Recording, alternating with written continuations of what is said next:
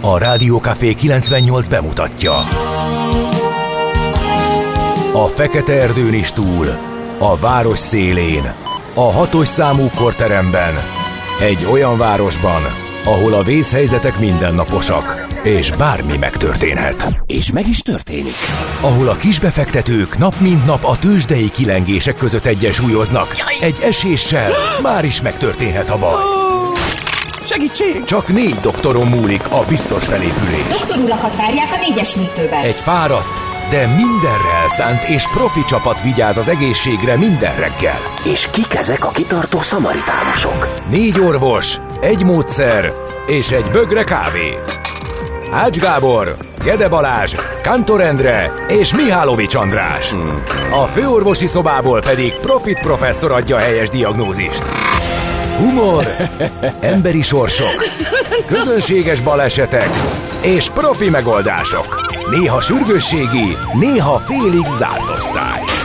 A Gazdasági Muppet Show minden hétköznap reggel. Te is figyelj! Neked is írjuk a receptet! De miért? Ha nincs pénzed azért, ha megvan, akkor pedig azért. Millás reggeli.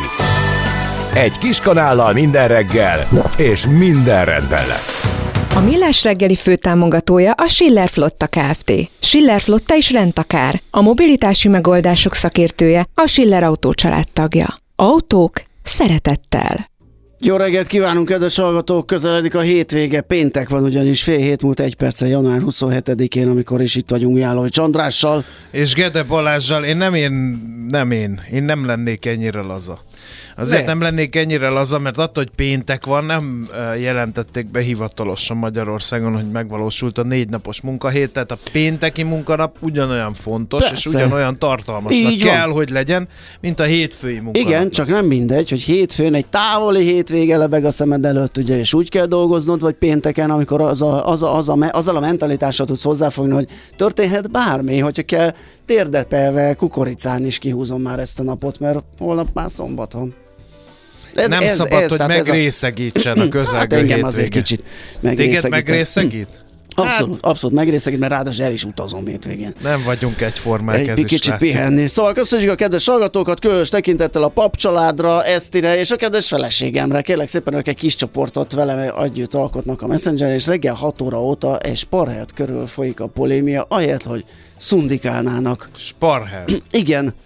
Ö, érthetetlen Mert hogy számomra is. szeretnél beszerezni egyet? Nem, vagy? nem, én, a kedves párom, nem tudom, hogy hova örökség? szeretné rakni, vagy hol akarna vele begyújtani, vagy hova ereszteni a füstöt, de mostanában ezeket nézeget, és azon ábrándozik, ha neki lenne egy ilyenje. Egy sparhel. De az a Igen. négy lábas? Az Vagy a négy lába, kicsi? hát ne, nem. nem a Amiben kicsi a, sütő is kicsi van? A, a kicsi az, ja tudom mire gondolsz, Tudom. igen. Nem, nem, nem, nem. A négy lábas, sütős, Nagyanyáink, amiben igen. berakod a kis fát és bekészíted. A tetején különböző szűkítők vannak. Ugye van az Igen. egészen kis lyuk. Ami bográcsozni is lehet. igen, akár a, a, a nagyot, hogyha leveszed, akkor Igen. egy marha nagy luk lesz. A Vagy a kicsivel pedig kotyogós nyílt kotyogósba. igen. Nagymamám mindig kotyogóba főzte a kávét, és a mai nap nekem is van kotyogóm, de én nem tudok olyan illatú és ízű kávét főzni, pedig tök egyszerű omniát használt annak idején, az nem tudom, hogy változott-e a receptúrája. Nyilván. Ö, Már semmi sem olyan, mint régen. nem, nem, nem, nem. Nem. Régen minden jobb volt. Úgyhogy ö, nekem, engem ez meglepett, én remélem, hogy sokan még csak most ébredeznek, nem 6 órakor. Ö, D-kartárs egyébként már ébren van, és küldött nekünk egy szűkszavú közleményt arról, hogy optimista jó reggel kartársak szokásos útvonalon 22 perc zugló Hermina mezőre. Semmi csicsa, semmi körítés, 22 perc. Az egy jó menetidő egyébként, annak számít, hogy hogyha valaki ö, tud ennél jobbat, vagy ö, akár csak azt látja, hogy ö, valahol akadás van, bocsánat, hogy elakadt a szavam, de mint hogy kev- kevés lenne az Be- üzenő program, épp át akartam Na jó, ugrani figyelj! az SMS-ekre és Viberekre, de egyiket se látom. Van nekünk, tehát nyugodtan írhattok azon, Nyilván. mindjárt Amíg a Gede programokat. megtalálja, hogy merre van előre, de jellemzően pénteki nap ez az egész, tehát fel vagyok háborodva. Na mindegy. Isten éltesse az angelikákat, nagyon szép név viselői, ők nekem nagyon tetszik ez a név, úgyhogy kis Tihánd minden kedves angelikának neve napja alkalmából. És akkor nézzük, hogy mi köthető január 27-éhez, mert azt elfelejtettük elmondani, hogy 2023. január 27-e van természetesen. És akkor ilyenek eh, vannak, mint például 1844-ben röppenjünk vissza, amikor is bemutatják Erkel Ferenc Hunyadi László című operáját a Pesti Nemzeti Színházba.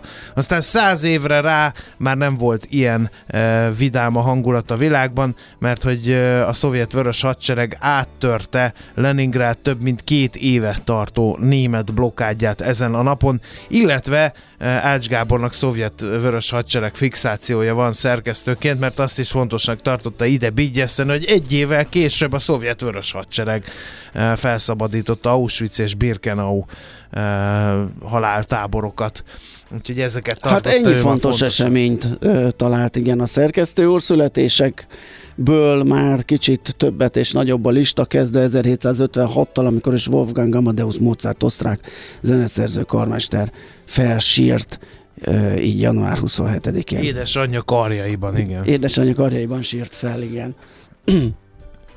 um, Ja igen, nézem közben, csak én belefeledkeztem, hogy nehogy kimaradjon valami, mert attól, hogy Ács Gábornak ez nem létezik, attól még nagyon fontos igen, dolgok történtek. Én, én, én is ott voltam rögtön, kinyitottam a naptárat, hogy tényleg csak három nagy esemény történt ezen a napon. Asner Lipót születésnapja is van, 1872-ben január 27-én született a magyar üzletember. Ismerős a név? Mert Persze. hogyha nem, akkor elmondjuk, hogy az Egyesült Izzólámpa és Villamossági RT felvirágoztatója. Ezt, ezt kihagyta. A Tungsram névadója, az újpesti tornaegyet elnöke és mecénása, a magyar világítás technika megvartja néven emlegethetjük Asner Lipótot. Nem hagyta ő ki, be, Ó, de nem ez, nem ez, hát óriás, ez egy óriási malőr, ne alagudjál. Tudod, mi maradt ki? Na mi? 1958 ezen a napon.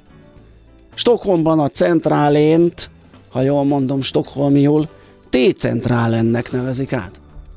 Ez a legnagyobb metró megállójuk. Igen? Hát azért ne haragudjon a világ. Pláne egy Ács Gábortól? Igen. Nem, én mást Na, hiányoltam. Én, én, én annyira kiakadtam, ez a mai nap valamiért a világban. Én annyira kiakadtam, hogy arról bezzek senki nem beszél, hogy 1504-ben második Lajos szaludzói örgló falálával mi állt elő. Na, mi Erről történt? nem. Erről Ács Gábor Ugye, mélyen hallgat, mélyen hallgat. valamit Valami érdekeltsége van Szaludzó környékén szerintem. Mi történt ott és akkor? Az özvegye Foá Kandeli Margit, szaludzói őrgófné, régensként átvette az uralmat. Ugye apu meghal, anyu Igen. trónra lép. Az őrgórsá felett kiskorú fia Mihály Antal szaludzói őrgróf nevében tette mindezt. Margit 1526-ig uralkodott, 1504-től, tehát nem lehet azt mondani, hát. hogy egy ilyen kérész életű hatalom átvétel volt. A fia Mihály 1526-tól egyedül a haláláig, 1528-ig. Tehát anyuka többet volt a trónon szaludzóban, mint a, mint a kis Egy ilyen esemény fölött átsiklani, és nem be Ugye? szerkeszteni. Szerintem az ez, az, ez óriási több, szakmai mint szakmai hiba. Ez szakmai bűn. Igen. No, eh, vissza a születésnaposokhoz. Garai Gábor Kossuth Díjas, magyar író, költő, műfordító 1929-ben született eh, január 27-én. Bardóci Gyula, a The Boys, a Gemini, a Kati és a Kerek Perec, a Neoton Família és az Old Boys dobosa is ünnepli születésnapját 1947-ben született ezen a napon. Aztán a prognózis együttes frontembere Vörös István is ünnepel. tele van a város szerelem. 1900, hogy utálhatja, mindenkinek ez jut Igen. eszébe. 1955-ben született január. De nekem más is, például az ajtók előtt, azt hiszem az a cím, cím a dalnak, biztos, hogy a dalban szövegként szerepelt. Nekem volt uh, prognózis lemezem, Úgyhogy nekem más is eszembe jut. Na tessék, végre valaki, Ajtók akit előtt, ismerek. igen, az a címe. Pap Vera, a Kossuth Díjas magyar színésznő is ünnepelne a születésnapját, ő azonban 2015-ben itt hagyott bennünket, illetve egy másik színésznő, Bridget Fonda, amerikai színésznő, és ünnepel 1964-es évjáratú ő, már mint a Bridget Fonda és egy szomorú dátum is van, 1900, milyen régen volt már 1983-ban, ahhoz képest, hogy e, minden héten bele lehet botlani egy Louis de Finé e, filmbe. Nem, nem Finé? Nem. Finé? Funész vagy, vagy Funes, kérlek Fines. szépen ezt egy ilyen hanyat a, a, a veszőcske, nem tudom, hogy hívják ezt elnézést a nyelvészekről, az E betűn jelöli a franciáknak, hogy mondják ki az ezt a végén, és ö, ö, idefele jövet olvasgattam róla, ő spanyol származású volt, tehát a Funes ugye spanyolul Értem. így kéne kimondani, és akkor a franciánba is megjelölték, és így is kell használni. Soha nem értettem, hogy mi ez a katyvasz a Funé és Funes névejtés között. Balázsjal. Igen, de most Igen, befele de. jövet a közösségi közlekedés. Igen. Mi a kedvenc? a, jó, nagyon sok. Hát a, fa, a, Nekem egy van, de azon 60 a ezer is Fantomas az, sírva. az egyértelműen. Nekem nem, az a, egy kis kiruccanás. Az egy kis kiruccanás Az- és a, mm, hogy van, combját vagy szárnyát? Szárnyát vagy a A combját. szárnyát vagy a combját. Azt is imádom. Nagyon sok. Én az, nem, nem tudom, én nem látom Szép vagy blőró. Igen. Az is nagyon jó. Igen, zsűf felügyelő a fantomázból. Igen. Na. Így mutat, hogy milyen pattanásos. Auman Péter volt a szinkron hangja, Ez zseniális, nagyon kellett hozzá. Igen. Igen. Az, amikor nem is mond semmit, de mondjuk Igen, szerencsétlenkedik valamit, azok a nyögések, Igen, sóhajtások, igen, minden óriási. zseniális volt. Na, tőle fogunk egyébként majd aranyköpés rovatunkban idézni, idézni egyet. Finesz úrnak? Igen. Na jó, figyelj, mit szólnál, hogyha belecsapnánk először a húrokba, DJ Medve prezentálja ma a Nagyon jó lesz. szeánszot, ami azt jelenti, hogy amit dob a gép. Eszi, nem eszi, nem kap mást. Én addig megkeresem a. Vibert, mert egész egyszerűen nem... Eltűnt a Viber. Menjél oda rá arra 4-4 szögre, ott a bal alsó sarokba. Igen, Eddig jó. eddig jó. Legörgetsz a V betűig. Igen. Vigyázz, túlugrottál, és ja, ott. hát így könnyű. Na, hát az élő varázs műsorának varázsa. Az eh, élőadás Balázsa, nem igen. találta a Viber, de már megvan, Na. úgyhogy mindenhova írhatok. Várjuk Igen. szeretettel az üzeneteiteket. 06 30 6-os 98 0 98 0 és amíg írtok, addig mi muzsikálunk. No kérem szépen, akkor megnézzük, mit ír a magyar sajtó. E, azt mondja, hogy a Népszava címlap sztoriát idézném első körben. E, a Paks 2 ZRT tavaly novemberben benyújtotta a frissített előzetes biztonsági jelentést, ami jelenleg vizsgálat alatt áll írja a lapnak az Országos Atomenergia Hivatal. A hatóság fordulatos vezetői lemondást és teljes szervezeti átalakítását hozó előzmények után tavaly augusztusban adta ki az atomerőmű beruházás központi úgynevezett létesítési engedélyét, ebben viszont miként arra Perger András, a Greenpeace klíma és energiakampány felelőse felhívta a figyelmet, a hatóság számos alapvető a nukleáris biztonságot érintő munkálatot további hozzájáruláshoz kötött. A környezetvédő szakember a népszava megkeresésére megerősítette, az előzetes biztonsági jelentés elfogadása nyitna utat az atomerőmű főbb egységeinek megépítéséhez, Enélkül már az első beton öntést is elképzelhetetlennek tartta. Egyébként ez az a több száz ezer oldalas alapvetően az oroszok által készített terv dokumentáció, aminek a nukleáris biztonságot érintő gyakra, gyatra színvonalat az elmúlt évek során a kormány színfalak mögött igen sok bírálat érte. A kormány közben szinte észrevétlenül további két évvel kitolta az új paksi blokkok átadási határidejét, így az új feltételes időpont 2032 írja tehát a népszava. A Portfolio.hu-t böngészem, kérlek szépen szegény gazdagok, és most nem a Jókai műre ö, utalok, de a 2022-ben lelassult a gyarapodásuk, kérlek szépen. Ezt ö, privátbanki felmérésekből lehet kideríteni. Egyébként a hazai privátbanki szolgáltatónknál kezelt vagyon meghaladta a 8000 milliárd forintot, és hát érzékelik a, a szolgáltatók, továbbra is borulátóak a privátbanki vagyonra ható kockázatok kapcsán, mert hogy ugye az, az általános vélekedés, hogy a magyar gazdaság helyzete, a vállalatok és ezáltal a lakossági jövedelem miatt is lehet aggódni. A legnagyobb vagyont továbbra is az OTP Private Banking kezeli, de az MKB és a Budapest Bank összeolvadása hozott ö, változást a legnagyobbak sorrendjében. Ezt az összeállítást is ö, elvégezték a portfolio.hu-n lehet tehát erről olvasni. Aztán én maradnék még a népszavánál, mert hogy ott meg egy olyan cikk díszeleg még a címlapon, hogy pénz nincs, de nyomvonal lesz. Februárban dől el, hogy a Duna melletti sétányon vagy egy utcával bejebb épül meg a tervezett védmű, én nem is gond, tudod, vannak ilyen fellángolások, olyan nagy Igen. tüntetések, aztán utána néma csend, de ezek szerint még mindig nem dőlt el. Én azt hittem, hogy ott nyugvó pontra ezen.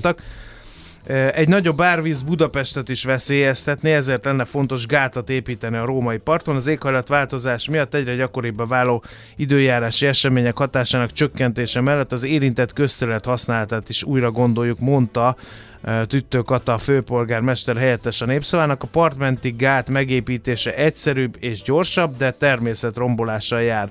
A Nánásig Királyok úti nyomvonalon a tértfal magassága sehol sem haladná meg az egy métert. A gondot az út alatti közműrendszer és a forgalmas út lezárása jelenteni. A kivitelezés jövőre kezdődhet, ha lenne rá pénz. A 24.hu közérdekű, közérdekű adatigénylés keretében derítette ki, hogy 2022-ben kik és mennyi turisztikai támogatást kaptak. A 2021-ben nem 84, hanem 131 turisztikai támogatást osztott ki a Magyar Turisztikai Ügynökség.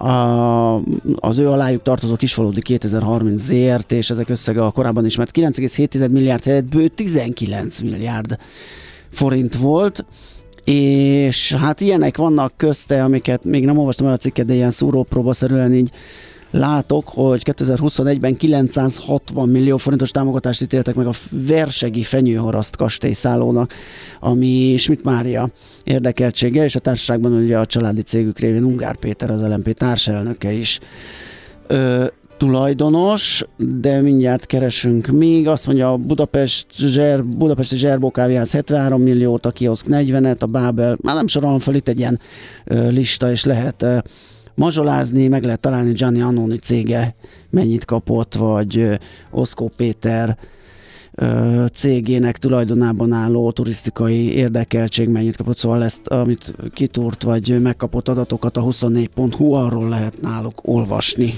A Magyar Nemzet címlapján egy érdekes cikk, művészek voltak, besúgók lettek, az előadók közül sokan vállalták az ügynök szerepét a Kádár rendszerben, erről szól a cikk. Minden politikai taposaknál föl kell robbantani, mondta a halála előtt Csengei Dénes, és úgy tűnik igaza volt, a közeleti taposaknák ma is aktívak, s 30 évvel a rendszerváltás után sem teljesen tisztázott, milyen személyes bűnök terhelik azoknak a lelkiismeretét, akik így vagy úgy aktívan, vagy csak tessék-lássék, kényszerből vagy előnyök reményében, de együtt működtek a rendszerrel. Csatári Bence történész, a korszak jeles kutató egy tanulmányában azt írja, a belügyminisztérium 3 per 3-as csoportfőnökségnek illetékes egységei a Kádár rendszerben egyaránt megfigyelés alatt tartották a kulturális élet fontos és kevésbé jelentős területeit.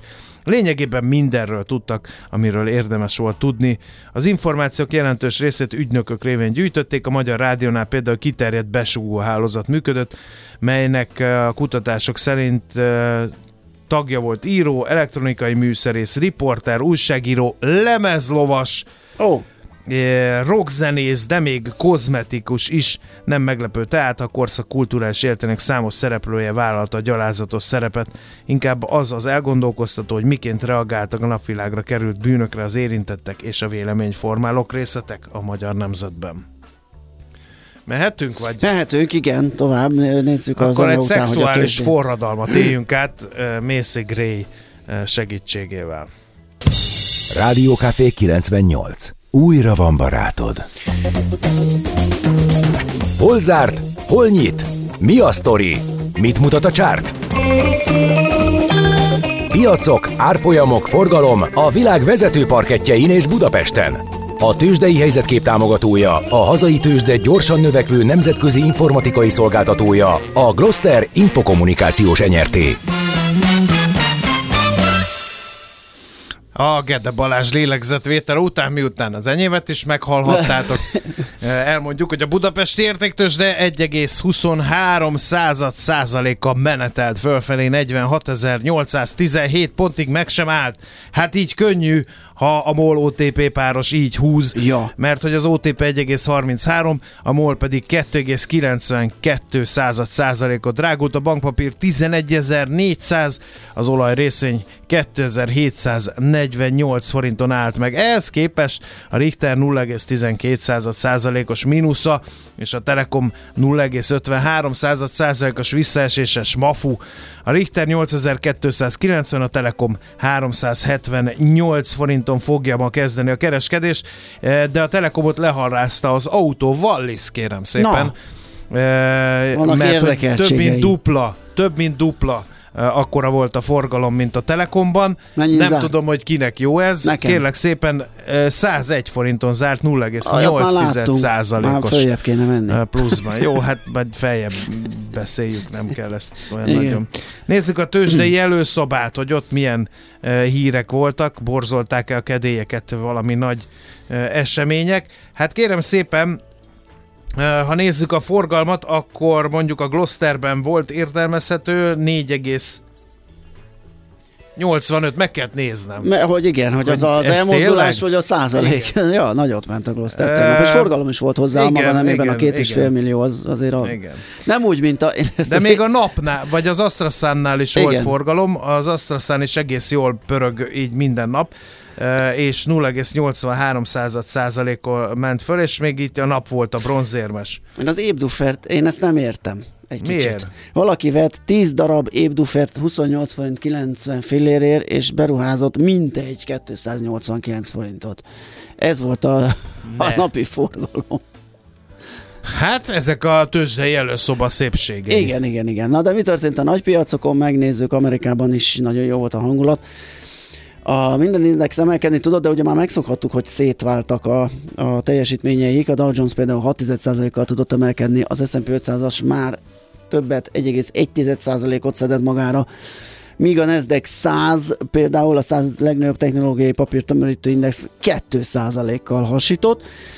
Az európai piacok azt mondhatjuk, hogy szintén jól zártak a frankfurti DAX 3,1% plusszal, a párizsi 7,1% plusszal, az olaszok 1,7-tel mentek, a spanyolok 9%-kal, és most Ázsiában meg olyan Ö, vegyes a kép, igen, mert Kína 8% pluszban van, ugyanakkor a tokiói esik ö, 1,1%-kal, a Hongkongi Hang Seng 1,1%-kal megy, de India esik 1,2-vel, tehát itt vegyes a kép.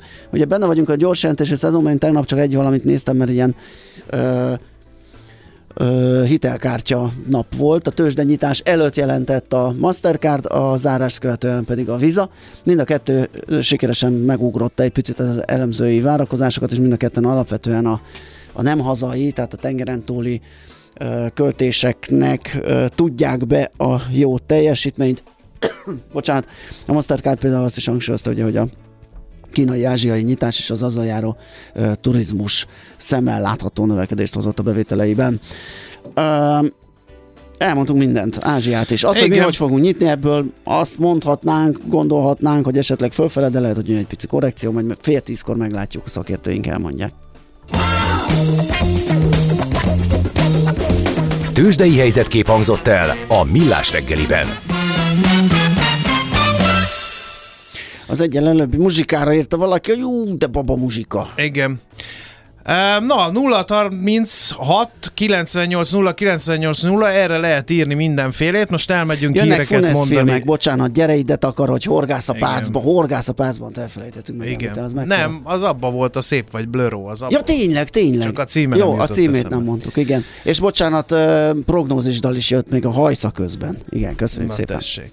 Szóval bármivel meg lehet szórni bennünket a fenti elérhetőségeken, addig hallgassatok egy jó híreket, aztán maradjatok velünk, mert hogy mit csináljunk a héten, programajánló következik. A Rádiókafé 98 bemutatja. A Fekete Erdőn is túl, a város szélén, a hatos számú korteremben, egy olyan városban, ahol a vészhelyzetek mindennaposak, és bármi megtörténhet. És meg is történik. Ahol a kisbefektetők nap mint nap a tőzsdei kilengések között egyensúlyoznak, egy eséssel már is megtörténhet a baj. Segítség! Csak négy doktoron múlik a biztos felépülés. Doktor urakat várják a négyes műtőben. Egy fáradt, de mindenre elszánt és profi csapat vigyáz az egészségre minden reggel. És kik ezek a kitartó szamaritánusok? Négy orvos, egy módszer és egy bögre kávé. Ács Gábor, Gede Balázs, Kantor Endre és Mihálovics András. A főorvosi szobából pedig Profit professzor adja helyes diagnózist.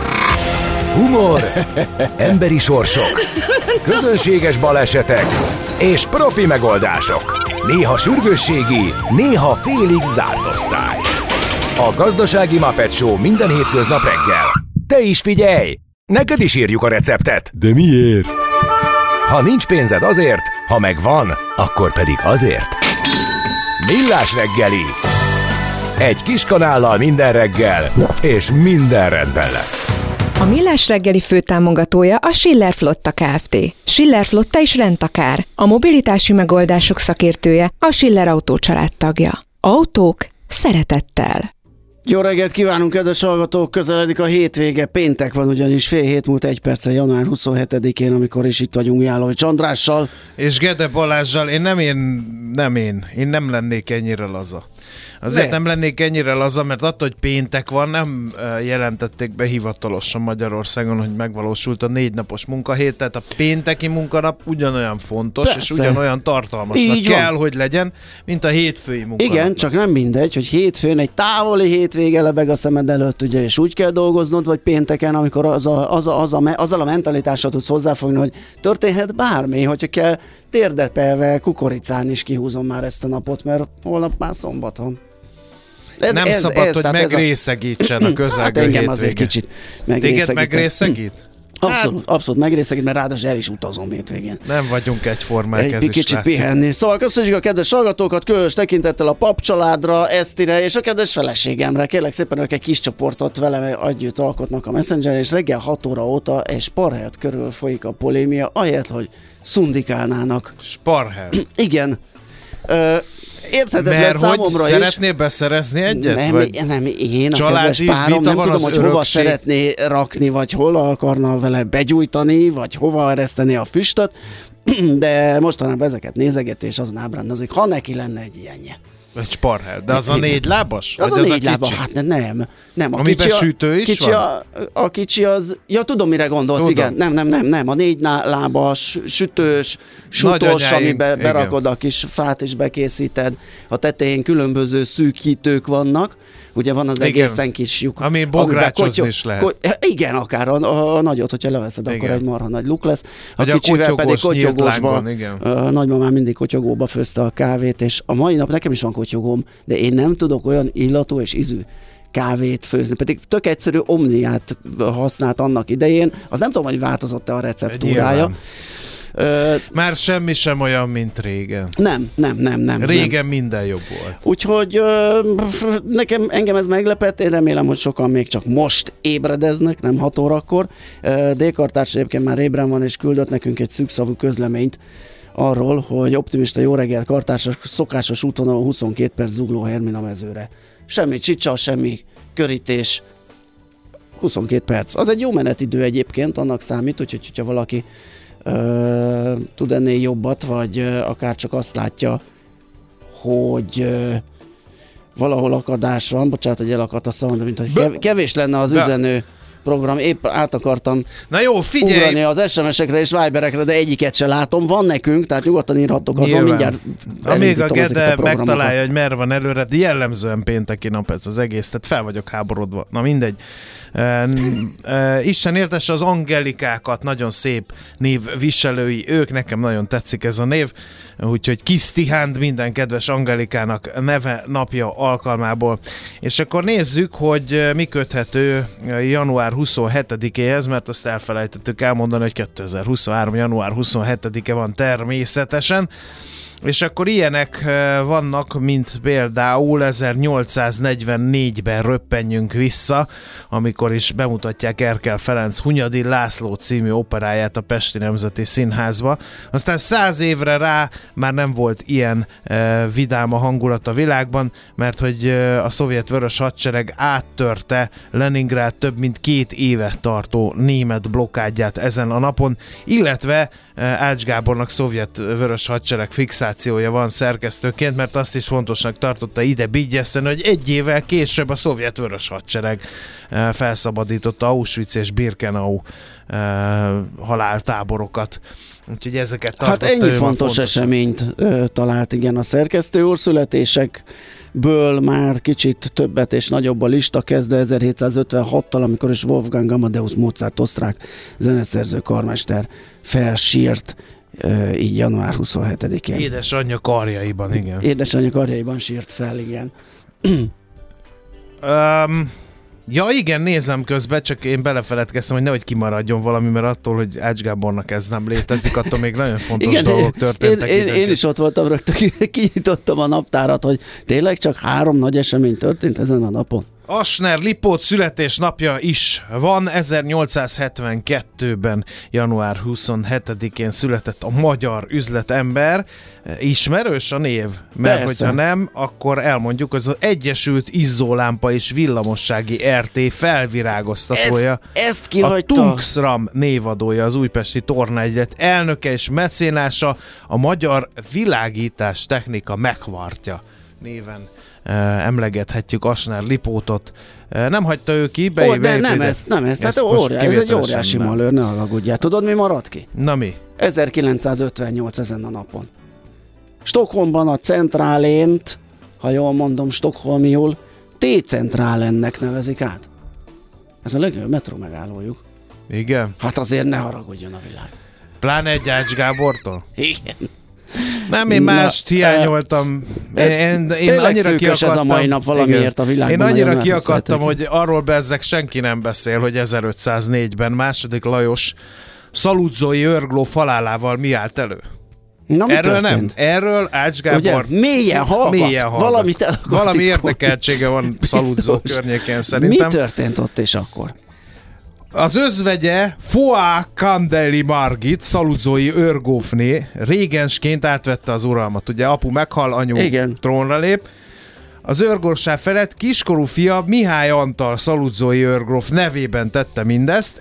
Margit 1526-ig uralkodott, 1504-től, tehát nem lehet azt mondani, hát. hogy egy ilyen kérész életű hatalom átvétel volt. A fia Mihály 1526-tól egyedül a haláláig, 1528-ig. Tehát anyuka többet volt a trónon szaludzóban, mint a, mint a kis. Egy ilyen esemény fölött átsiklani, és nem be Ugye? szerkeszteni. Szerintem az ez, az, ez óriási több, szakmai mint szakmai hiba. Ez szakmai bűn. Igen. No, eh, vissza a születésnaposokhoz. Garai Gábor Kossuth Díjas, magyar író, költő, műfordító 1929-ben született eh, január 27-én. Bardóci Gyula, a The Boys, a Gemini, a Kati és a Kerek Perec, a Neoton Família és az Old Boys dobosa is ünnepli születésnapját 1947-ben született ezen a napon. Aztán a prognózis együttes frontembere Vörös István is ünnepel. tele van a város szerelem. 1900, hogy utálhatja, mindenkinek ez jut Igen. eszébe. 1955-ben született január. De nekem más is, például az ajtók előtt, azt hiszem az a cím, címe a dalnak, biztos, hogy a dalban szövegként szerepelt.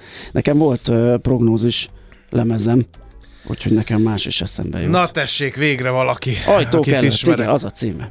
Pap Vera, a Kossuth Díjas magyar színésznő eh, is ünnepelne a születésnapját, ő azonban 2015-ben itt hagyott bennünket, illetve egy másik színésznő, Bridget Fonda, amerikai színésznő, és ünnepel 1964-es évjáratú ő, már mint a Bridget Fonda és egy szomorú dátum is van 1900, milyen régen volt már 1983-ban, ahhoz képest, hogy e, minden héten bele lehet botlani egy Louis de Finé e, filmbe. Nem, nem Finé? Nem. Finé? Funész vagy, vagy Funes, kérlek Fines. szépen ezt egy ilyen hanyat a, a, a veszőcske, nem tudom, hogy hívják ezt Aha. elnézést a nyelvészekről, az elbetűn jelöli a franciáknak, hogy mondják ki az ezt a végén, és ö, ö, idefele jövet olvasgattam róla, ő spanyol származású volt, tehát a Funes ugye spanyolul Értem. így kéne kimondani, és akkor a franciánba is megjelölték, és így is kell használni. Soha nem értettem, hogy mi ez a katyvasz, a Funé és Funes névejtés között. Balázsjal. Igen, de most Igen, befele de... jövet a közösségi közlekedés. Igen. Mi a kedvenc? A, jó, nagyon sok. Hát a, fa, a Nekem egy van, de azon 60 ezer is az, sírva. Az, egyértelműen. Nekem nem, az a, egy kis kiruccanás. Az egy kis kiruccanás az... és a, mm, hogy van, combját vagy szárnyát? Szárnyát vagy a combját. A szárnyát vagy a combját. Azt is imádom. Nagyon sok. Én az, nem, nem tudom, én nem látom. Szép vagy blőró. Igen. Az is nagyon jó. Igen, zsüffelügyelő a fantomázból. Igen. Na. Így mutat, hogy milyen pattanásos. Auman Péter volt a szinkron hangja, zseniális, ugye? nagyon kellett hozzá. Igen. Igen. Az, amikor nem is mond semmit, de mondjuk Igen, szerencsétlenkedik valamit, azok a nyögések, Igen, sóhajtások, igen, minden óriási. zseniális volt. Na, tőle fogunk egyébként majd aranyköpés rovatunkban idézni, idézni egyet. Finesz úrnak? Igen. Na jó, figyelj, mit szólnál, hogyha belecsapnánk először a húrokba, DJ Medve prezentálja ma a Nagyon jó lesz. szeánszot, ami azt jelenti, hogy amit dob a gép. Eh, Eszi, nem eszi, nem kap mást. Eh, Én addig megkeresem a. Vibert, mert egész egyszerűen nem... Eltűnt a Viber. Menjél oda rá arra 4-4 szögre, ott a bal alsó sarokba. Igen, Eddig jó. eddig jó. Legörgetsz a V betűig. Igen. Vigyázz, túlugrottál, és ja, ott. hát így könnyű. Na, hát az élő varázs műsorának varázsa. Az élő adás Balázsa, nem igen. találta a Viber, de már megvan, Na. úgyhogy mindenhova írhatok, várjuk Igen. szeretettel az üzeneteiteket. 06 30 6-os 98 0 98 0 és amíg írtok, addig mi muzsikálunk. No kérem szépen, akkor megnézzük, mit ír a magyar sajtó. E, azt mondja, hogy a Népszava címlap sztoriát idézném első körben. E, a Paks 2 ZRT tavaly novemberben benyújtotta a frissített előzetes biztonsági jelentést, ami jelenleg vizsgálat alatt áll írja a lapnak az Országos Atomenergia Hivatal. A hatóság fordulatos vezetői lemondást és teljes szervezeti átalakítását hozó előzmények után tavaly augusztusban adta ki az atomerőmű beruházás központi úgynevezett létesítési engedélyét, ebben viszont miként arra Perger András, a Greenpeace klíma és energiakampány felelőse felhívta a figyelmet, a hatóság számos alapvető a nukleáris biztonságot érintő munkálatot további hozzájáruláshoz kötött. A környezetvédő szakember a népszava megkeresésére megerősítette, az előzetes biztonsági jelentés elfogadása nyitna utat az atomerőmű főbb egységeinek megépítéséhez, Enélkül már az első beton öntést is elképzelhetetlennek tartva. Egyébként ez az a több száz ezer oldalas alapvetően az oroszok által készített tervdokumentáció, aminek a nukleáris biztonságot érintő gyakra, gyatra színvonalat az elmúlt évek során a kormány színfalak mögött igen sok bírálat érte. A kormány közben szinte észrevétlenül további két évvel kitolta az új paksi blokkok átadási határidejét, így az új feltételes időpont 2032 írja tehát a népszó. A Portfolio.hu-t böngészem, kérlek szépen szegény gazdagok, és most a Jókai műre ö, de a 2022-ben lelassult a gyarapodásuk, kérlek szépen. Ezt ö, privátbanki felmérésekből lehet kideríteni. Egyébként a hazai privátbanki szolgáltatóknál kezelt vagyon meghaladta a 8000 milliárd forintot, és hát érzékelik a, a szolgáltatók, továbbra is borulátóak a privátbanki vagyonra ható kockázatok kapcsán, mert hogy ugye az, az általános vélekedés, hogy a magyar gazdaság helyzete, a vállalatok és ezáltal a lakossági jövedelem miatt is lehet aggódni. A legnagyobb vagyont továbbra is az OTP Private Banking kezeli, de az MKB és a Budapest Bank összeolvadása hozott ö, változást a legnagyobbak sorrendjében. Ezt az összeállítást is ö, elvégezték, a portfolio.hu-n lehet tehát erről olvasni. Aztán én maradnék még a népszavánál, mert hogy ott meg egy olyan cikk díszeleg még a címlapon, hogy pénz nincs, de nyomvonal lesz. Februárban dől el, hogy a Duna melletti sétányon vagy egy utcával bejebb épül meg a tervezett védmű. Én nem is gond, tudod, vannak ilyen fellángolások, olyan nagy Igen. Tüntetések, aztán utána néma csend, ezek szerint még mindig nem dőlt el. Én azt hittem, hogy ott túl nyugvópontra vagyunk ezen. Egy nagyobb árvíz Budapestet is veszélyeztetné, ezért lenne fontos gátat építeni a római parton. Az éghajlatváltozás miatt egyre gyakoribbá váló időjárási események hatásának csökkentése mellett az érintett közterület használatát is újra gondoljuk, mondta Tüttő Kata, a főpolgármester helyettes a népszavának. A partmenti gát megépítése egyszerűbb és gyorsabb, de természetrombolással jár. A Nánási Királyok úti nyomvonalon a tértfal magassága sehol sem haladná meg az egy métert, a gondot az út alatti közműrendszer és a forgalmas út lezárása jelenteni. A kivitelezés jövőre kezdődhet, ha lenne rá pénz. A 24.hu közérdekű, közérdekű adatigénylés keretében derítette ki, hogy 2022-ben kik és mennyi turisztikai támogatást kaptak. A 2021-ben nem 84, hanem 131 turisztikai támogatást osztott ki a Magyar Turisztikai Ügynökség. A, az ő alájuk tartozó Kisvalódi 2030 ZRT, és ezek összege a korábban ismert 9,7 milliárd helyett bő 19 milliárd forint volt. És hát ilyenek vannak közte, amiket még nem olvastam el a cikket, de ilyen szúrópróbaszerűen így látok, hogy 2021-ben 960 millió forintos támogatást ítéltek meg a Versegi Fenyőharaszt kastélyszállónak, ami Schmidt Mária érdekeltsége, és a társaságban ugye a családi cégük révén Ungár Péter, az LMP társelnöke is ö, tulajdonos, de mindjárt keresünk még. Azt mondja, a Budapest zser, Budapesti Zserbó kávéház 73 milliót, a kioszk 40-et, a Bábel, már nem sorolom fel itt egy ilyen ö, lista, és lehet ö, mazsolázni, meg lehet találni Gianni Annoni cége mennyit kapott, vagy Oszkó Péter cégének tulajdonában álló turisztikai érdekeltség mennyit kapott, szóval ezt, amit kitúrt, vagy megkapott adatokat a 24.hu, arról lehet náluk olvasni. A Magyar Nemzet címlapján egy érdekes cikk, művészek voltak, besúgók lettek, az előadók közül sokan vállalták az ügynök szerepét a Kádár rendszerben, erről szól a cikk. Minden politikai taposaknát föl kell robbantani, mondta a halála előtt Csengei Dénes, és úgy tűnik igaza volt, a közeleti taposóaknak ma is aktívak, és 30 évvel a rendszerváltás után sem teljesen tisztázott, milyen személyes bűnök terhelik azoknak a lelkiismeretét, akik így vagy úgy aktívan, vagy csak tessék-lássék, kényszerből vagy előnyök reményében, de együtt működtek a rendszerrel. Csatári Bence történész, a korszak jeles kutatója egy tanulmányában azt írja, a belügyminisztérium 3 per 3-as csoportfőnökségnek illetékes egységei a Kádár rendszerben egyaránt megfigyelés alatt tartották a kulturális élet fontos és kevésbé jelentős területeit. Lényegében mindenről tudtak, amiről érdemes volt tudni. Az információk jelentős részét ügynökök révén gyűjtötték, a Magyar Rádiónál például kiterjedt besugó hálózat működött, melynek a kutatások szerint tagja volt író, elektronikai műszerész, riporter, újságíró, lemezlovas, Ó, rockzenész, de még kozmetikus is. Nem meglepő tehát, a korszak kulturális életének számos szereplője vállalta a gyalázatos szerepet. Inkább az az elgondolkoztató, hogy miként reagáltak a napvilágra került bűnökre az érintettek és a véleményformálók részletek a magyar nemzetben. Mehetünk, vagy? mehetünk, igen, tovább nézzük az Akkor egy után, hogy a szexuális többi. forradalmat éljünk át Macy Gray segítségével. Rádiókafé 98. Újra van barátod. Hol zárt? Hol nyit? Mi a sztori? Mit mutat a csárt? Piacok, árfolyamok, forgalom a világ vezető parketjein és Budapesten. A tőzsdei helyzetkép támogatója, a hazai tőzsde gyorsan növekvő nemzetközi informatikai szolgáltatója, a Gloster Infokommunikációs Enyerté.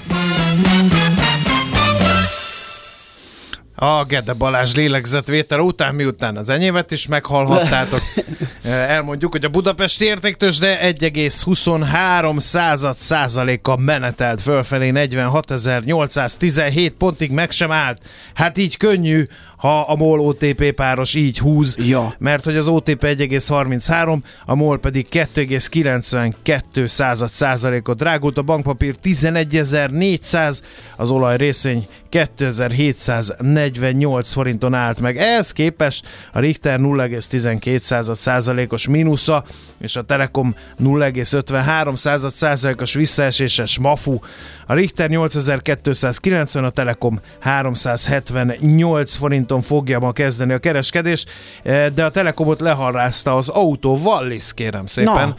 Eh, Vannak mert több mint dupla, több mint dupla akkora volt a forgalom, mint a Telekomban. Mennyit Nem zárt? tudom, hogy kinek jó ez. Nekem. Kérlek szépen, eh, 101 forinton zárt, Olyat már 0,8 láttunk. Már százalékos eh, pluszban. Jó, hát majd feljebb beszéljük, nem kell ezt olyan Igen. nagyon. Nézzük a tőzsdei előszobát, hogy ott milyen eh, hírek voltak, borzolták-e a kedélyeket valami nagy eh, események. Hát kérem szépen, eh, ha nézzük a forgalmat, akkor mondjuk a Gloucesterben volt értelmezhető 4, 85, meg kellett néznem. Mert, hogy igen, hogy az Hogy az ez elmozdulás, vagy a százalék. ja, nagyot ment a Gloster Ö, tegnap, és forgalom is volt hozzá, a maga igen, nemében a igen, két és igen. fél millió, az, azért az. Igen. Nem úgy, mint a... Én ezt De az még a napnál, vagy az Astraszánnál is volt Igen. forgalom, az Astraszán is egész jól pörög így minden nap. És 0,83 százalékon ment föl, és még itt a nap volt a bronzérmes. Én az ébdufert, én ezt nem értem egy Miért? kicsit. Valaki vett 10 darab ébdufert 28 forint 90 fillérért, és beruházott mintegy 289 forintot. Ez volt a, a napi forgalom.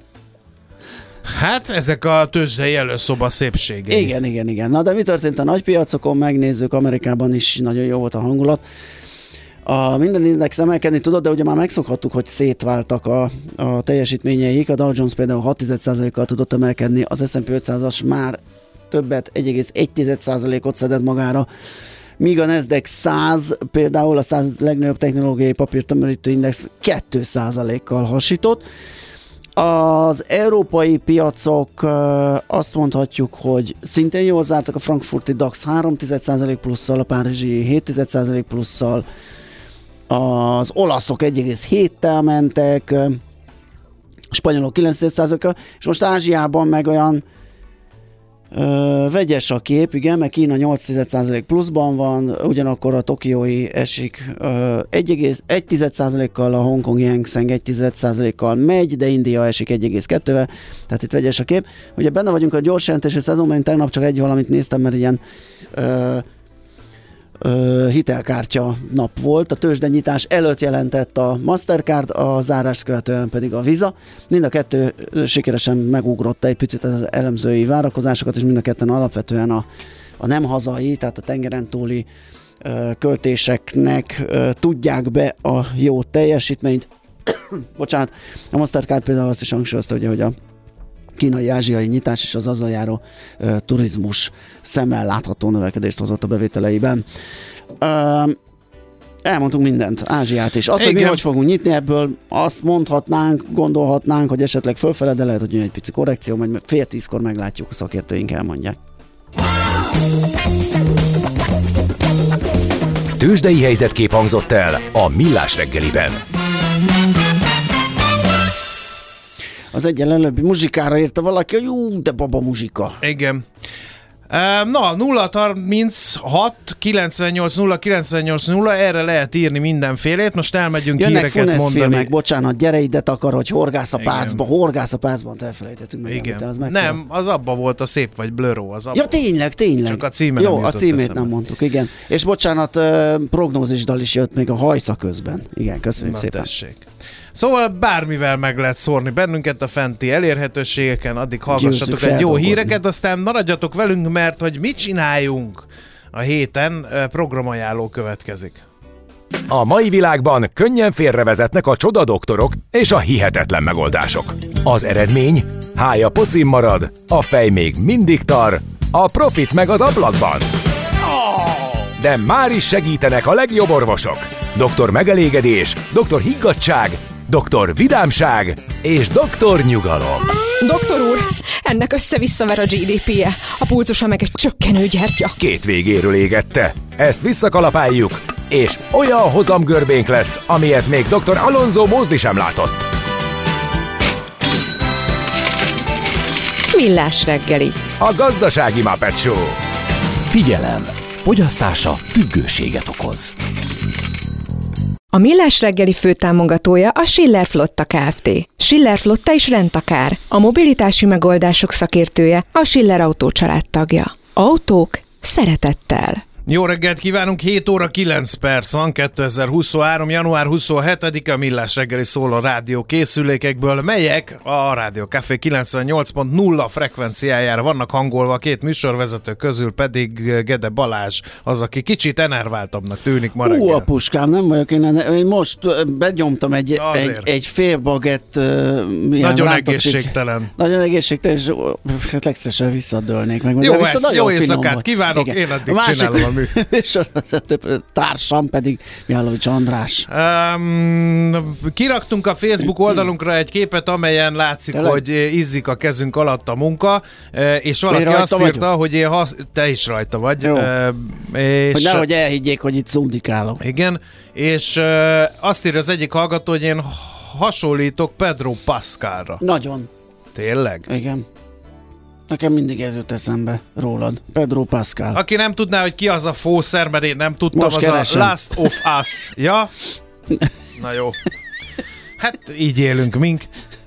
Egyébként van SMS, WhatsApp és Viber Van, számuk van. is. Abszolút. Uh, 0636-os 980 980 ide lehet írni például közlekedési információkat, nem tudom, hogy zal, hogy állunk. Egyelőre én nem látok sehol sem fennakadást. Hát Bécsből kaptunk, vagy a sógoroktól kaptunk információt Krisztől, hogy 5 fok enyhe forgalom Ámos sógorok Wienerwald Bécs centrum 28 perc, ha esetleg valakit érdekel, tette hozzá a kedves hallgató. Hogy ne érdekel? Igen, és valóban nem említettük, csak megemlékeztünk arról, ugye, hogy 1945-ben a szovjet vörösödség felszabadítja Auschwitz és Birkenau területén található Auschwitz koncentrációs táborokat, és éppen ezért ezt a napot az ENSZ a holokauszt nemzetközi emléknapjává nyilvánította.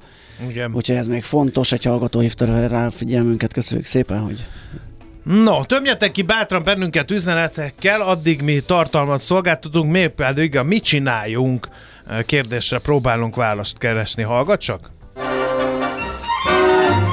Egyre nagyobb buborékban élünk, de milyen szép és színes ez a buborék.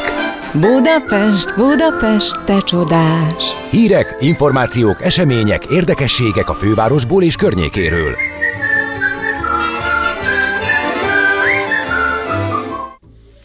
Na és akkor a vonal túlsó végén nem más, mint aki ezt a program ajánlót prezentálja. Szerintem megszokhattátok, hogy itt van velünk. Ő pedig Wagner Gábor, a Villav Budapest újságírója. Szervusz Gábor, itt vagy, remélem és hallasz is szia, bennünket. szia, jó reggelt! Itt vagyok, igen, sziasztok, jó reggelt, üdvözlök mindenkit. No, figyelj, És, kezdjük a programajánlót. Haspók, haspók vagyok, haspó- úgyhogy a Hát gasztró. én is, most a letolt félbagetnyi rántott csirkés szendvics után hadd jöjjön még egy kis valamivel. Igen, így- Lefolytjuk valamivel. Hát van, lesz bőven mivel lefolytani, ahogy a bagetről beszéltél, eszembe is jutott, hogy már így szinte előre jelezte, hogy február az ilyen gasztrofesztivál lesz szinte az egész, már hogy így elsőjétől a 28-áig gyakorlatilag így végig gasztroeseményekkel van tele a hónap. Nagyon jók is, nagyon jók lesznek. Aha. Hát így gyorsan elmondom, mert túl sok van ahhoz, hogy mindegyikről részletesen Persze. tudjunk beszélni. Ö, ami, már, ami már van, az egy kiállítás, méghozzá ö, április másodikáig tekinthető meg a Japán Alapítvány vándor kiállítása a Kereskedelmi Vendéglátóipari Múzeumban. A sushinak a történetéről szól. Az nagyon jó. I, igen, és hát aki sushis, az annak hát annak nagyon tetszeni fog. Nyilván, a- ki, ki- pontosan nyilván az, hogy hogyan alakult ki, Ö, hát az egész kultúrtörténete. Enni sajnos nem lehet, de nyilván az ember utána elmegy és eszik sushit. Ö, a, a, nem is merülök ebbe bele, csak tényleg ez Hát, Hát ne, ez ajánlom. ne is, mert már gondok Igen, vannak a nyál igen, elválasztással, ugyanis mink Gede kollégával abszolút szusisok vagyunk. Szusisok vagyunk, igen. Akkor ti is, hát akkor meg, akkor Igen. meg jó, jó embereknek ajánlom. Akkor ajánljuk, ajánljuk a az pólus másik igen. végéről a, a Mindenmentes Fesztivál. Igen, ö, a Mindenmentes Fesztivál az a február végén lesz, február 25-26, az ELTE, hát az ELTE-n, az ELTE aulájában, a Gömb aulájában, és kb. 70 kiállító fog megjelenni, elismert szakemberek, két napon keresztül elmondják azt, hogy például milyen a vegánbor, vagy milyen sajthelyettesítő ételeket ehetünk. Ugye gluténmentesség, meg mit tudom, mindenmentességről beszélnek. Én nem vagyok ö, mentes, tehát én eszem mindent. Mi se, kicsit így Ö, néztünk egymásra Andrással, hogy melegen ajánljuk azoknak, akik érdeklődnek a téma iránt, de De el nagyon sokan érdeklődnek. persze, persze, irántom, sőt, van, aki szerintem, muszájból, ö, ugye, úgyhogy azokon ne is Így van, pontosan, Igen. pontosan, Mm. pontosan, és ráadásul ez nem először, ö, nem először tartják ezt a fesztivált, viszont olyan népszerű, meg annyian mennek rá, hogy, hogy idén megint lesz, úgyhogy Mhm. hát szerintem akit, ráadásul a, a vegán borról, meg a vegán sajtról eddig nem volt szó a korábbi ö, mentes fesztiválon, ez lesz az első ilyen nagyon átfogó bemutatása hát ennek az Igen, egészség. szerintem a nem menteseknek nézzünk egy kis gőzgombócot, mit szólsz hozzá? Nem, nem, Ne. marhahúst nézzünk, Azt is az lehet. légpusztítóbb, mint Igen, a jó, Jó, és akkor is. utána jöhet a gőzgombóc, oké? Igen, Igen ö, etyek. Na. Egyekre kell menni a marháért, ott Mhm. egy a Marhavágás nevű, hát ilyen gasztro, gasztrozenei fesztivál lesz, első alkalommal rendezik meg, itt többen fogtak össze ö, annak érdekében, hogy, ö, hogy egy ilyen igazi, zsírban tocsogó ö, fesztivált hozzanak össze, ahol, ahol evés, ivás, nagyon finom borokat, sonkákat, ö, ö, marha, sztékeket lehet majd fogyasztani, és mellette koncertek lesznek, pontosabban nem is koncertek, de igen, egy zongorista lesz, és a mm, közkedvelt Cyborg Templar DJ fog Ó, zenét mhm. nyomni a, Nagyon jó. az emberek, lesznek borbemutatók, meg mindenféle ilyen ö, finomságok, és ez egyeken, de azon belül pedig a A kicsi zsóban lesz, azt hiszem, nem? Kicsi Zsó, igen, igen, Igen. az az, igen, igen, igen, igen. Ugye az egyek. És egyébként ö, szintén ebben a hónapban van a pincenyitogató egyeken február 18. Jaj, azt nem is mondtam, a, ez a marhás rendezvény, ez ö, február 4-én lesz, és február 8-án pedig elkezdődik a pincék kinyitogatása, ugye ez az egyeki piknik pincenyitogató rendezvénye, ugye lassan jön a tavasz, lehet majd menni boros pincékbe, úgyhogy Oké, okay. na menjünk át Gede gőzgombócára. Igen. Igen, hát a gőzgombócos ö, fesztivál, vagy hát nem is fesztivál, hanem rendezvény, Parádé. az igazából még január, az még januári lesz, de január legvége, méghozzá 29-e vasárnap. És hát aki szereti a gőzgombócot, annak Budaörsre kell menni a Majorba, ahol hát egész nap és minden a gőzgombócról fog szólni, mindenféle, ahány, ahány, hát olyan hütte hangulatot teremtenek természetesen, és hát ahányféle gőzgombóc létezik, azt mindet ö, meg lehet ott kóstolni, a készítésük, a, a gőzgombóc kultúrával meg lehet ismerkedni, szóval tudom, hogy Magyarországon is nagy ö, ö, hát, im, nagy imádat veszi körül a gőzgombócot, nem véletlenül, úgyhogy ö, nem véletlenül rendeztek egy Oké. ilyen Okay. Gőzgombóc napot sem. Figyelj, mielőtt azt Igen. mondanák, hogy ez mégse a gasztroló Igen. volt, azért Valami nem valami evősebb. más, mondjuk zenéből, ajánl nekünk, légy szíves, Meg filmet. mondjuk két okay, zenei igen, eseményt, igen. meg két filmet. Oké, okay, filmet. Ö, egyfelől lesz ez az Almafa virága című magyar film, amit már ugye régóta hirdetnek, ez Valentin nap után, nyilván Valentin napra érkezik, mert egy romantikus film. Valentin nap után két nappal, február 16-tól kerül a moziba. Ugye ez egy magyar fiú és egy ö, vietnámi lány Budapesttől egészen Vietnámig érő szerelmi története. Ezt ö, ajánlanám a, ez egy első filmes rendező munkája, Szűcs Dóráé. A másik pedig a Finn Filmnapok, amit ö, mindenképpen ajánlok. Hát ugye finn filmes, vagy a finn film, filmes filmrendezők közül ugye a Kaurismaki testvéreket illik ismerni, de azért a film, a finn film, hú, ez pedig egyszerű, de nyelvtörőszerű, tehát a finn film azért ennél is sokkal több, és február 15 és 19 között fogják megrendezni a Toldi moziban. Oké, Hát, akkor zene. Menni, és hát ugye a korters zene, zenébe, ö, a, amit mindenképpen kiemelnék, az a, a az acid house és a techno kultikus figurája érkezik Budapestre február 3-án az A38 hajóra, ő Josh Wink. Ugye neki volt ez a klasszikus dala, amikor egy nevetést alá kevert ö, ö, négy negyedet, és hát ettől megőrültek a partizók. Ugye ez egy nagy klasszikus Mhm. dal. Ő érkezik, ez egy nagyon nagy Látom itt a listát, Valentin napra lesz egy jó, klassz, szerelmes, összepújós esemény. Csak És nem a tovább, igen. Napalm Death-re gondolsz. Nem, gondolom a Valentin napi ö, gyermekvasutazásra, Igen, igen. ahol Ja, az a Igen, másik, és hát- igen. És ezért ez a diszkrét, nem, vagy nem, nem, mennyi, nem tudom, hogy mennyire diszkrét utalás, hogy a gyermekvasúton lehet a szerelmeseknek Igen. igen. vacsorázni uh, Alagútba bujkálni, mert ugye igen, van egy igen, ilyen igen, patka. és aztán, aztán rájuk van bízva, hogy mit csinálok. Utána nyilván erre előre be kell jelentkezni, és ö, asztalt foglalni, és akkor háromfogásos vacsora, különféle italok. Uh-huh. Szóval minden meg a gyerekvasút, ez egy nagyon kellemes Igen, klassz, hangulatos dolog. Akár csak, a, mert, mert hogy most igen. tényleg azt hitték, hogy a hallgatók, hogy hülyéskedünk, de tényleg lesz Napalm Nem, tényleg a napám koncert. gondoltunk. Ja, nap, fe- ja, február gondoltál, ja, 14 persze, igen. zene. Ja, Igen, simulós, igen, tudod, mert a- ez a kis... Igen, Ki hogy igen, szokott tehát, simulni, nap- ugye? Van, aki ilyen kicsit aktívabban simul, igen. Igen, meg hát végül is ezek a nagyon kemény zenét hallgató emberek is Érzőszívű szerelmesek. emberek csak, is szerelmesek. Igen, csak hát ők, ők nyilván más BPM számra szerelmesek, mint a, Igen. mint a lassúzók. Ö, igen, és hát a zenében akkor ennyi film megvolt. Kiállítás, Figyelj, kiállítás. kiállítás. Tudod, mit akartunk Kiállítás. megkérdezni? Hogy beszéltünk róla a szocializmus időszakának könnyű zenejéről, van egy kiállítás, Igen, és Sajó igen, Dávid egész igen. jókat mondott róla. E, Itt a én- zene ö- alatt beszéltünk, hogy neked azért kicsit árnyaltabb a véleményed.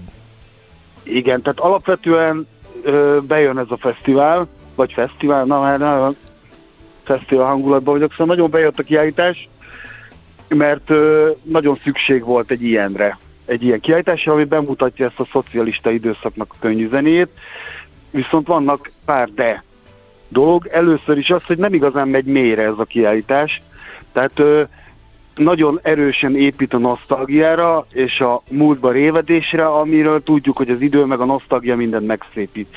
Én nem vagyok a nosztalgia nagy barátja, és ö, azt gondolom, hogy amikor kiraknak egy bambi üdítőt, meg egy barkaszautót, meg egy keravil üzletet, annak semmi köze igazából ehhez a zenéhez, az talán valamit elfedne. Hát talán a Fekete Ehhez a- Bárányok koncertről valami relikviákat. Én erre gondoltam, bevallom őszintén, amikor olvastam erről, hogy például Hát ilyeneket igen. lehet ezekről a legendákról, vagy a Kopaszkutya filmnek a forgatásáról, így nem van. tudom. Tehát, hogy én valahogy így... Igen, pontosan, pontosan, pontosan, és igazából mondjuk a 80-as éveknek ugye említi a kiállítás, hogy volt ez a tűrt, tilt, vagy tűrt, Igen. tiltott, és igen, ez a 3T, de igazából a magát a, például ezt a 80-as évek undergroundot nagyon haloványan érinti, és például arról nem is, nincs is szó, pedig ennek, ennek van irodalma is, hisz a Magyar Narancs egykori újságírója, a Szőnyei Tamás könyve, egy nagyon vaskos könyvben dolgozta föl, azt, hogy például micsoda besugó hálózat volt a zenészeken belül,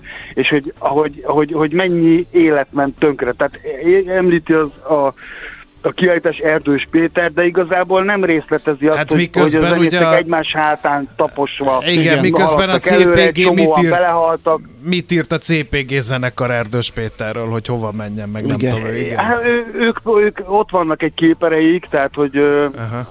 de szóval az egész inkább egy ilyen színes szagos, nosztalgikus dolog, ami kicsit a retro, a retro Mhm. múzeumnak, meg a Ram Colosseumban lévő magyar ö, rock hírességek csarnokának egy ilyen kreatív Elegye. és interaktív elegye. Én, én is ajánlom mindenkinek, mert azért átfogó, de, de nekem azért voltak hiányosságaim is ilyen, azt nem mondom, hogy cukiskodó, de ahhoz inkább közel áll. Hát pedig a, egyáltalán tehát mondom, nem volt ez cuki annak a, abban az időben nem, Erdős Péterrel nem, és és a besugó hálózattal, ahogy nagyon van. helyesen mondod, meg a fekete bárányokkal, akiket ugye nem engedtek van, koncertezni. igen.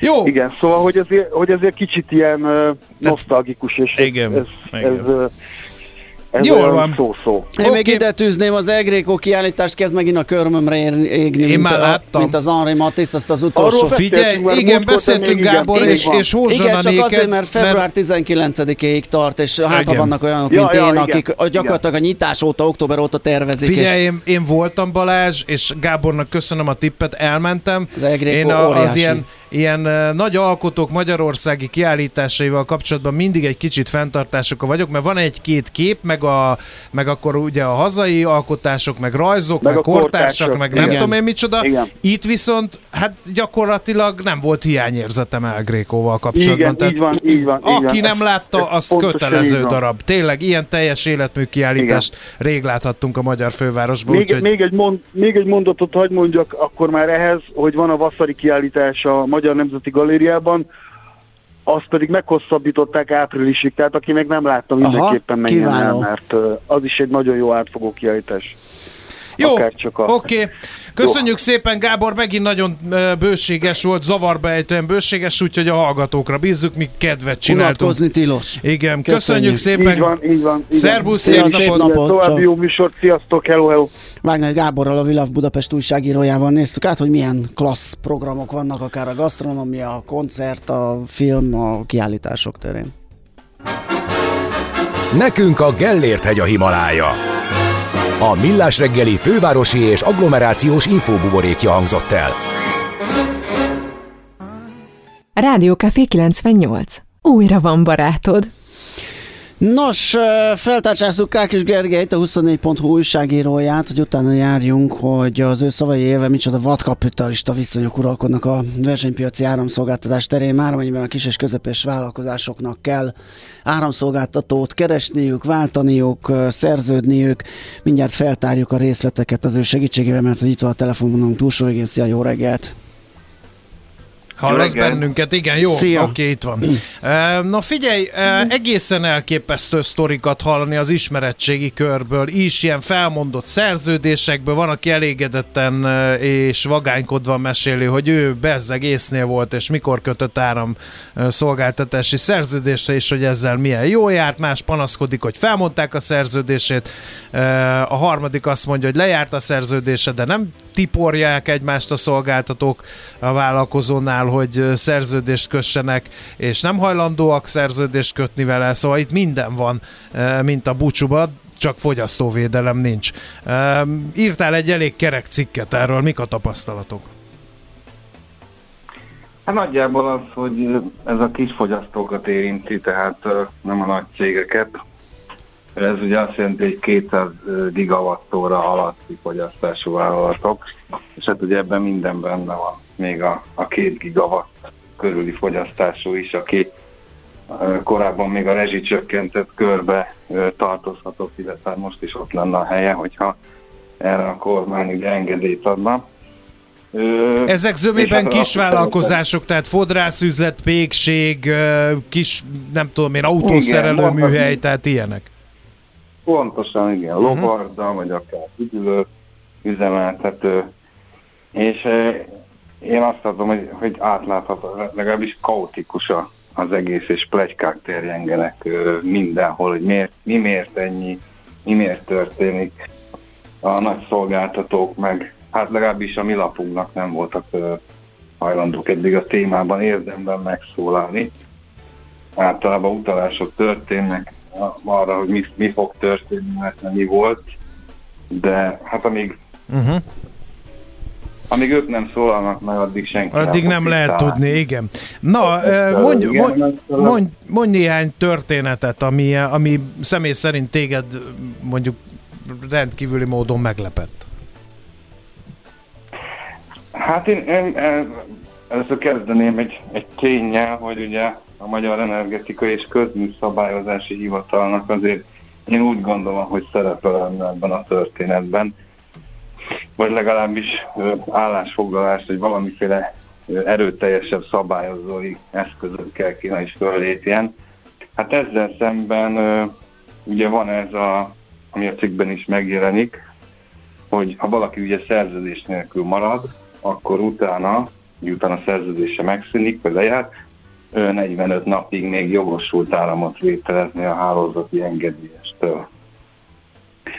Na most mi megkérdeztük a, a meket még tavaly, hogy ö, hát hogy, hogy néz ki egy lejárt szerződés után a, a, az árampiaci részvétel egy kis vállalkozás részéről, akinek már nincsen szerződése. Tehát kifejtették a részleteket, de ezt, ezt nem tették hozzá, hogy ez 45 napig még jár. Tehát nem lehet kikapcsolni az áramot. Tehát most, Most ez volt, ő, ő, ő az a hatóság, akinek elvileg fogyasztóvédelmi feladatokat is el kéne látni, tehát hogy mondjuk a kisvállalkozók hozzá fordulhatnak, hogy hát ő szeretne tovább folytatni a tevékenységét, de egyszerűen nem kötnek vele szerződés. Help, például ilyet lehet ennek a hivatalnak küldeni?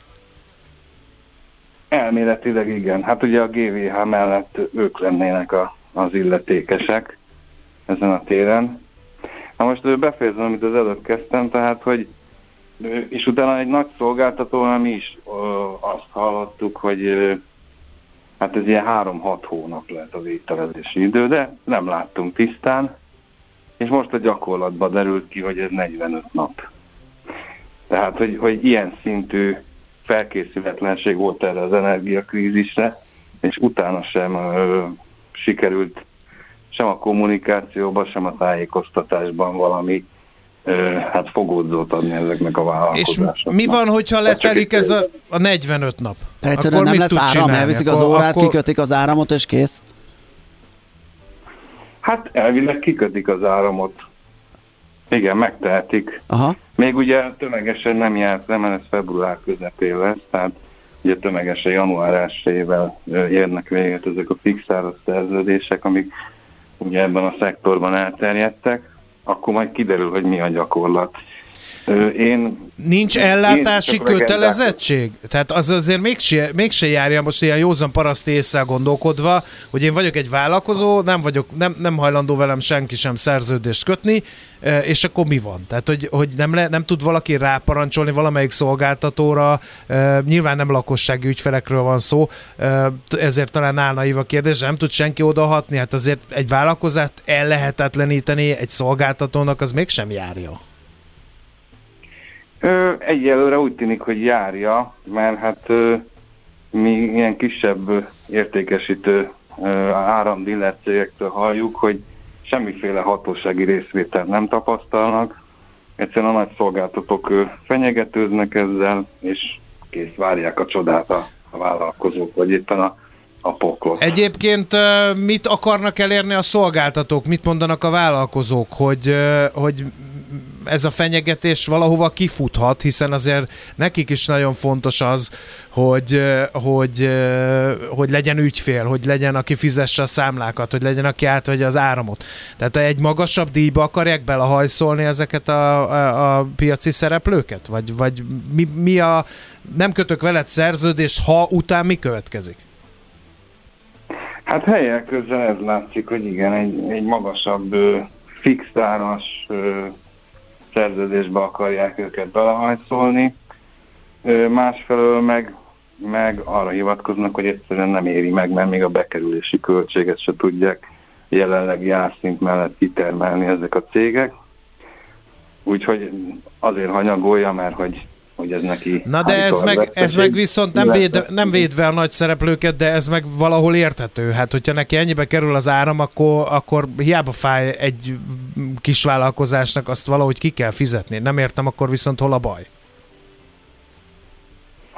Hát ott a baj, hogy a, ilyenkor valójában az államnak kéne valamit kezdeni ezzel a helyzettel, mert az, hogy tényleg tömegesen maradnak áram nélkül, az, az hát az nemzetgazdasági szinten is azért előbb-utóbb nagyon bántó lesz. Uh-huh. Ez mikor csúcsosodhat Nem- ez a, ez a probléma? Így február közepére, hogyha ezt a 45 napot rászámoljuk? Február közepére igen. Körülbelül. Mhm. De én úgy gondolom, hogy ennél azért nagyobb probléma lesz az, hogy, hogy, hogy sokan fixáron kapnak Igen. horror áram, áramot. Tehát én az a cikk megjelenése óta is hát sok olvasói levelet kapunk, hogy igen, mi is így jártunk. Van, ahol már, tehát nem ez a kettő, 250 forint per kilowatt körüli mennyiségről beszélnek, hanem már 300-ról. Tehát van, aki ugye önkormányzati bérlemény által ragad bele egy ilyen szerződésbe, és hát halljuk azt is, hogy be is zárnak. Egyébként ez a fixárral mi a baj? Hát ez a fixerrel az a baj, hogy ugye magasabb árszinten áll, vannak általában megállapítva, mint ami a jelenlegi piaci ár. Tehát ugye a, a december óta folyamatosan esnek a, a gázárak is, és ugye ezzel kéz a kézben az áramárak is, mert hát jelentős korreláció van a kettő között.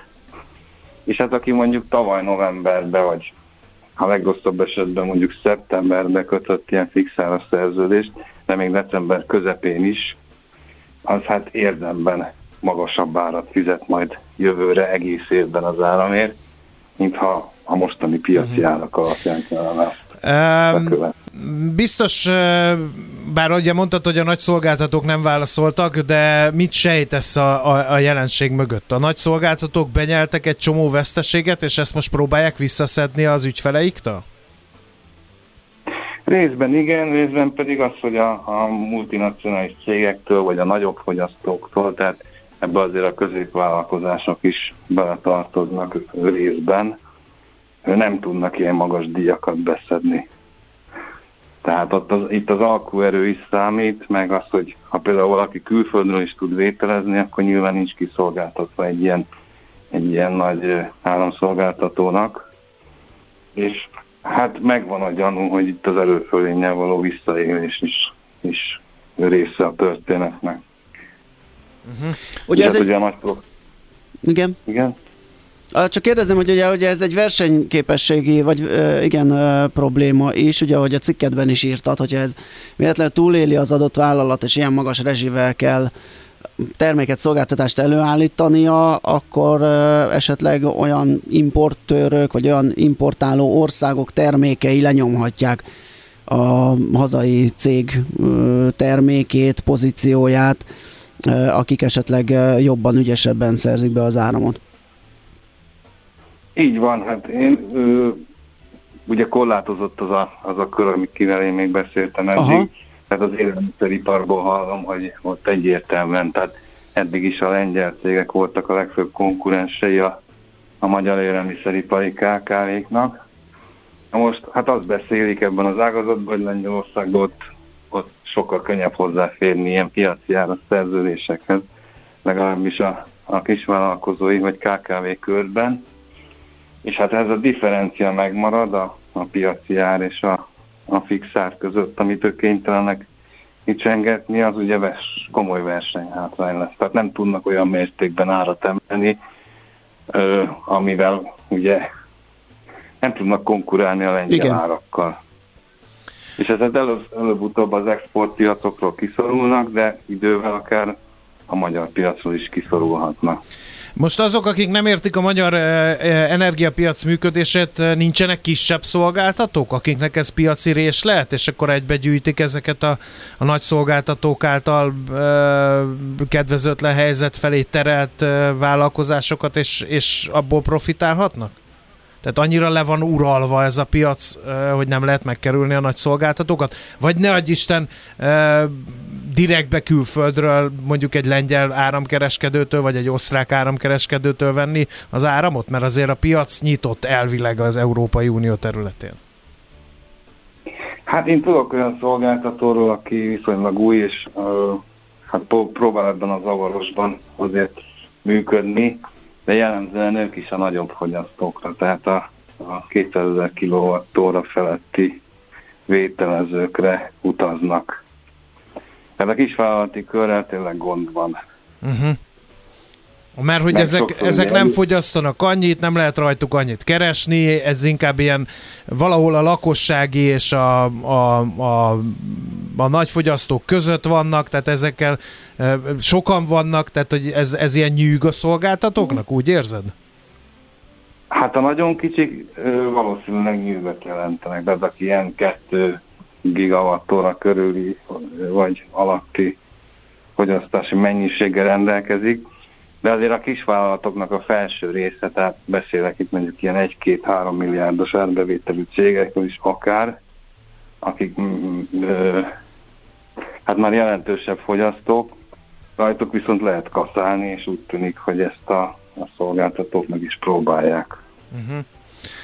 Jó, rendben van. Tehát itt azért egy éves körről beszélünk, nem minden kis fogyasztó az, aki aki mondjuk olyan ügyfél, akivel nem érdemes szóba állni. Igen. Még egy utolsó kérdés, csak ugye említetted te is, hogy állami segítségnyújtás kéne érezni valami mozgolódást, hogy valaki próbálja megoldani ezt a helyzetet, vagy legalább foglalkoznak, tanácskoznak. Vagy valaki beszélnek. felvetette, például Róla. a Magyar Kereskedelmi és Iparkamara már fizetjük azt az 5000 forintos tagdíjat, akkor például mozgolódik? lobbizik-e ez ügyben? Hát ilyen gazdasági érdekképviselet nem, nem. Hát az Energiai Minisztériumnak volt egy programja még tavaly decemberben, amiben ugye a kisfogyasztóknak ilyen végső menedékes ö, helyzetet ajánlottak föl, de hát ott az időablak az ilyen egy hét volt kb. amíg lehetett jelentkezni a programra, és hát azóta nem lehet. Tehát bezárultak az ajtók, ez jogvesztő hatályú volt, ez a határidő, és nagyon kevesen jelentkeztek, tehát 1700-ról adtak számot, 1700 vállalkozásról. Úgyhogy itt ez a történet véget ért, és nem tudni, hogy, hogy lesz a hivatalnak még hasonló kezdeményezése. Mm. De azt, azt látni, hogy azért az MKIK-ig, vagy a, a nagyobb képviseletig ez nem jutott el. Igen. Egyáltalán nem jutott át az ingen küszöböt, de Hát ez bármikor hát az érintettek széles köre előbb-utóbb átfogja, bízom benne. Jó, nagyon szépen köszönjük, köszönjük. Szépen. gondolatébresztő beszélgetés volt, mert megoldás, ha jól veszem ki, nincs, úgyhogy biztos, hogy folytatni fogjuk a történetet. Miképp gondolom te is. Köszönjük szépen, szép napot és jó munkát Köszönöm, neked. Szia!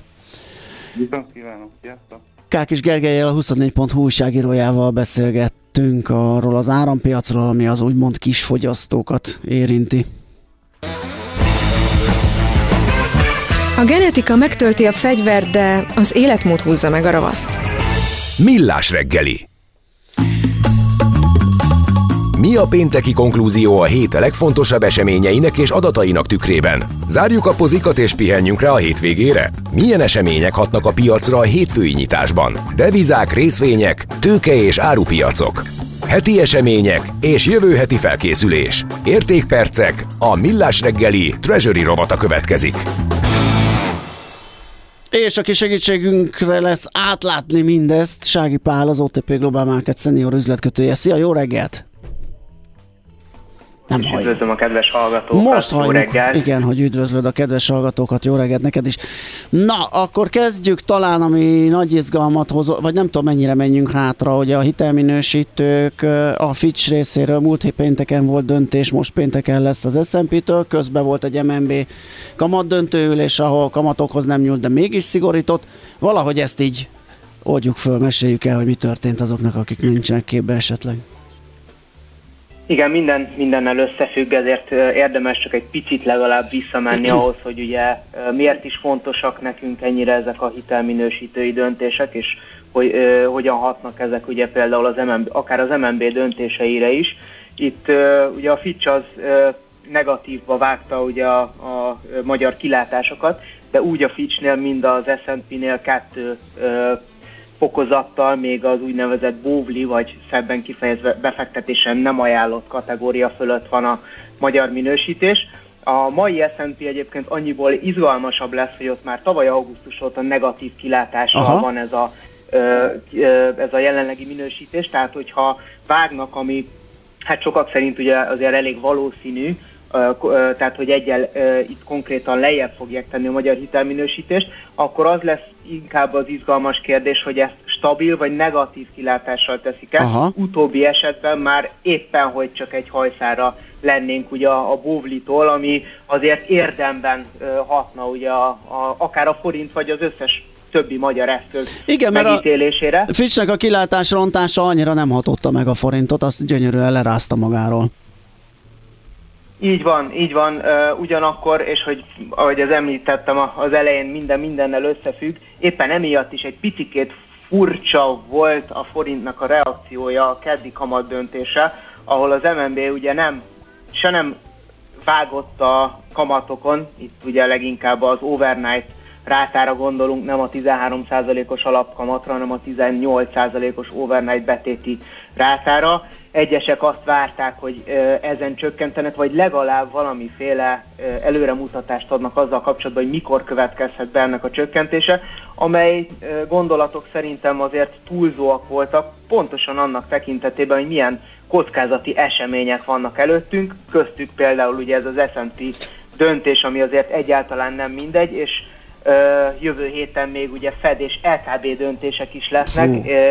és az MNB ilyen szempontból abszolút konzekvens volt, hiszen ők korábban is azt fogalmazták meg, hogy ahhoz, hogy a kamatokat csökkentsék, ahhoz a magyar kockázati megítélés tartós és trendszerű javulására van szükség. Na most ilyen események előtt ezt megelőlegezni, az valóban nem lett volna egy bölcs döntés valószínűleg, és ők ennek megfelelően is cselekedtek, és ennek ebben a kontextusban volt ugye érdekes ez a heves reakció, úgy tűnt, mintha egyesek mégis vártak volna valamiféle kamat csökkentésre való utalást legalább az MNB-től, amely elmaradt, sőt, igazából egy kisebb intézkedéssel még további likviditás csökkentést vezettek be, ez nevezetesen ugye a banki kötelező tartalékrátának az 5-ről 10%-val való emelése, ezzel ugye a további forintot szívnak ki a piacról, és ezzel is segítik a monetáris transmissziót.